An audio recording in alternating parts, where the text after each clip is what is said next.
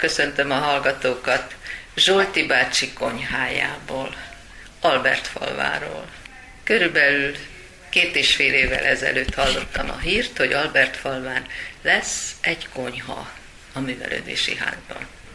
Beszélgetőtársam Zsolti bácsi, átadom neki a szót. Hiszen valóban berendeztünk egy olyan konyhát, amely az elmúlt század első felének, közepének a konyhai hangulatát hozza vissza a bútorokkal, tányérokkal, falvédőkkel, evőeszközökkel, részbozsárral, régi szódás üvegekkel. De ugye ez nem csak egy kiállítóhelyiség vagy terem, hanem ez valóban egy működő konyha is, hiszen havonta az Zsolti bácsi konyhák gasztroklubban találkozunk, ahol mindenki egy-egy olyan ételt szokott megfőzni, amely családi örökségből, vagy saját fűszerezése, saját ötlete alapján készít, vagy éppen valahol látott és kicsit újra gondolta és bemutatja nekünk. Minden egyes alkalommal egy-egy séf van a Zsolti bácsi konyhájában. Ma mi fő? Ma ugye pontosan az főt, ami főt, mert ugye egy főlevest készített nálunk a Orsai Herrik tagunk, ez egy vietnámi leves. Talán lehet mondani, hogy távol rokon a mi marha húslevesünknek. Első kóstolásra kicsit furcsa, nyilván van a keleti fűszerek miatt, de hogy előbb-utóbb egy kis kóstolgatás, szürcsölgetés után, hogy a háttérben azért beúszik ez a jól ismert magyar marha húslevesnek is egy kicsikét az íze.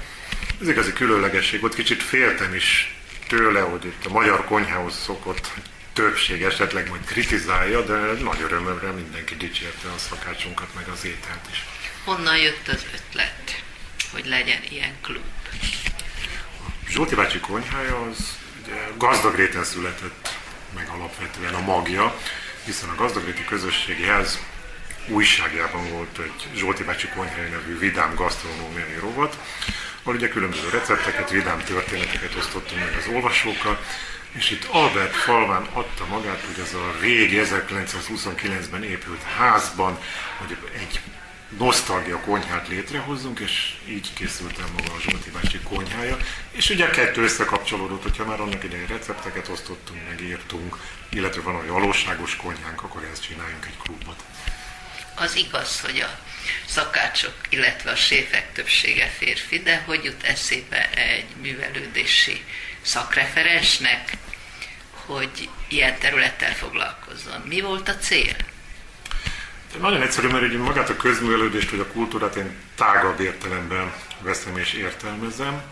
És például itt Albert falván is ugye szeretem úgy megközelíteni a helyi közösséget, hogy nem a hagyományos módon, tehát nem egy ilyen száraz helytörténeti kiállítással vagy anyagokkal, hanem valamilyen módon bevonni az embereket. És ugye például Albert falvánál volt egy időszak, amikor ugye arra kértem az embereket, hogy fotózzák le Albert falvát úgy, ahogy látják, és ezeket küldjék be, fölrakjuk a Facebookra, illetve a legjobb képeket ki is állítjuk. Tehát ha valaki eljön ma az Albert falu közösséghez, akkor a folyosokon, termekben olyan fényképeket láthatnak a falakon, amelyeket az Albert faluiak fotóztak. Vagy ugyanígy a tavalyi évben bekérdettem egy pályázatot, amikor azt mondtam, hogy személyes történeteket, régi visszaemlékezéseket írjanak egy kis könyvecskébe, és azt is megjelentettük, és nagyon szeretik az emberek, és tetszik nekik.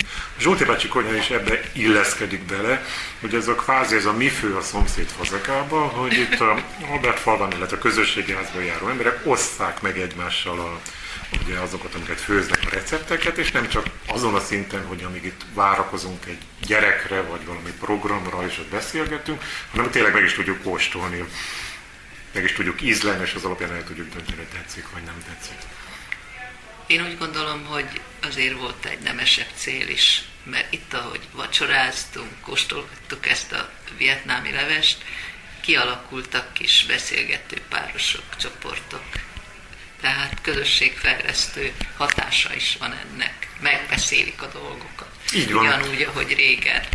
Így van, ez is egy nagyon fontos dolog, mert ugye lehet mondani, hogy általában a, a a családok is hol szoktak összejönni a, a konyhába, evés közben beszélik meg a dolgokat, hogy mi a problémája a nagymamának, mi volt a gyerekkel az iskolába, milyen gondok vannak a munkahelyen, vagy éppen örömök, bánatok, és itt is valóban egy ilyen nagyon kellemes beszélgetések alakulnak ki, hiszen miután meghallgattuk, hogy hogy készült az étel, megkóstoltuk, akkor ilyen kis klikkekre szakad a, a, a közösség, és akkor mindenki valakiről beszélt, tehát most is éppen ugye ez a főleves volt, akkor hallottam, hogy az egyik kis közösség a marhahúsleves készítészről beszélgetett, a másik már a, a, a birka paprikás meg pörköltről, tehát hogy, hogy nagyon jó, valóban egy ilyen közösség teremtő vagy építő jellege is van ennek a konyhának.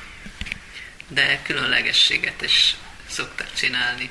Olvastam a blogon, hogy van, aki knédlit csinál, igazi csemódra, akkor a sváb nagymamától örökölt receptet hozott, és ehhez hasonló. Tehát valamilyen formában még hagyományőrzés is folyik itt, nem? Így van, fontos, ezt mindig el is szoktam mondani, hogy, hogy, hogy jó az, hogyha olyan recepteket osztanak, mert tényleg családi örökség, tehát tényleg nagymamától vagy a déditől maradik. Albert falva nem csak Zsolti bácsi konyhájáról nevezetes. Úgy tudom, hogy összeállítást készített, tudományos kutatást folytatott a kerületben lévő közösségi házak, régi művelődési házak történetéről. Hogy fér össze ez a két dolog? Főzünk is, kutatunk is, fotózunk is, szervezünk is. Igen. Ez egy hagyományos népművelőtől ennyit nem várt el az ember, ez csoda szerint. Hát meg kell, hogy a közösségi házakat, ugye ezért is szeretem nagyon, hogy a nagy művelődési intézményektől eltérően, ugye itt kevesen dolgozunk, és mindenki sokféle programot csinálod, mert egy nagy intézmény van, aki a gyerekprogramokkal foglalkozik, van, aki a tanfolyamokkal, van, aki a nagy rendezvényekkel, itt valóban mindenbe belekaphatunk. És ugye ez a kiadvány az úgy született, hogy tavaly költözött át hozzánk az Etelhely történeti gyűjteménynek az anyag, és hogy azt mi kezeljük. És ugye, mint ahogy a, előbb is mondtam, hogy a közösségeket egy kicsit rendhagyó módon szeretem megközelíteni. Ugye itt a helytörténetes ne az legyen, hogy van egy poros kiállító helység, ahol hetente két-három ember bejön és megtekinti a kiállítást, hanem hogy valóban élővé tegyük és varázsoljuk, ugye ezért működik az ETELE helytörténetükről, ahol havonta találkozunk és a kerület történetével kapcsolatos előadásokat hallgatunk, vagy beszélgetünk, illetve terveim között szerepel, illetve már meg is jelent az első kötet, egy olyan kis kiadványokat jelentessünk meg a kerületről, vagy a kerület speciális csak rá jellemző szereteiről, ami a nagyobb közönség számára is érdekes lehet. Ugye így jelent meg az új budai közössége azok rövid története, hiszen ez a 11. kerület abszolút jellemző, hogy még a többi kerületek általában van egy nagy művelődési háza vagy művelődési központja, addig a 11. kerületnek nincs saját önkormányzati fenntartású művelődési háza, hanem ilyen kis városrészekhez kötődő közösségi házakon keresztül biztosítja a, a kulturális szolgáltatásokat.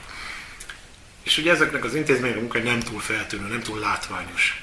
De hogyha egy ilyen kötetbe összeszedem az elmúlt évtizedeknek a fontosabb eseményeit, folyamatait, akkor, akkor ha valaki beleolvas, akkor hogy meglepődik, hogy hoppá, hát itt nem csak arról szól, hogy van egy nyugdíjas hímzőkör, meg gyerekeknek valami kislányoknak jazzbalett, hanem hogy itt tényleg milyen értékes munka folyik, milyen sok közösség van, mennyi értéket teremtettek az elmúlt évtizedekben. Kit hallottunk, kimutatta be nekünk Albert falvát. Farkas Zsolt vagyok. Talán nálam az lehet az érdekes, hogy, hogy így beszéltünk hogy a közösségi házakról, hogy én minden négy közösségi házban dolgoztam. Kedves hallgatóink, jöjjenek Albert falvára. Érdemes körülnézni a művelődési házba, és bekukkantani Zsolti bácsi konyhájába. Ámen Zsolkát hallottak.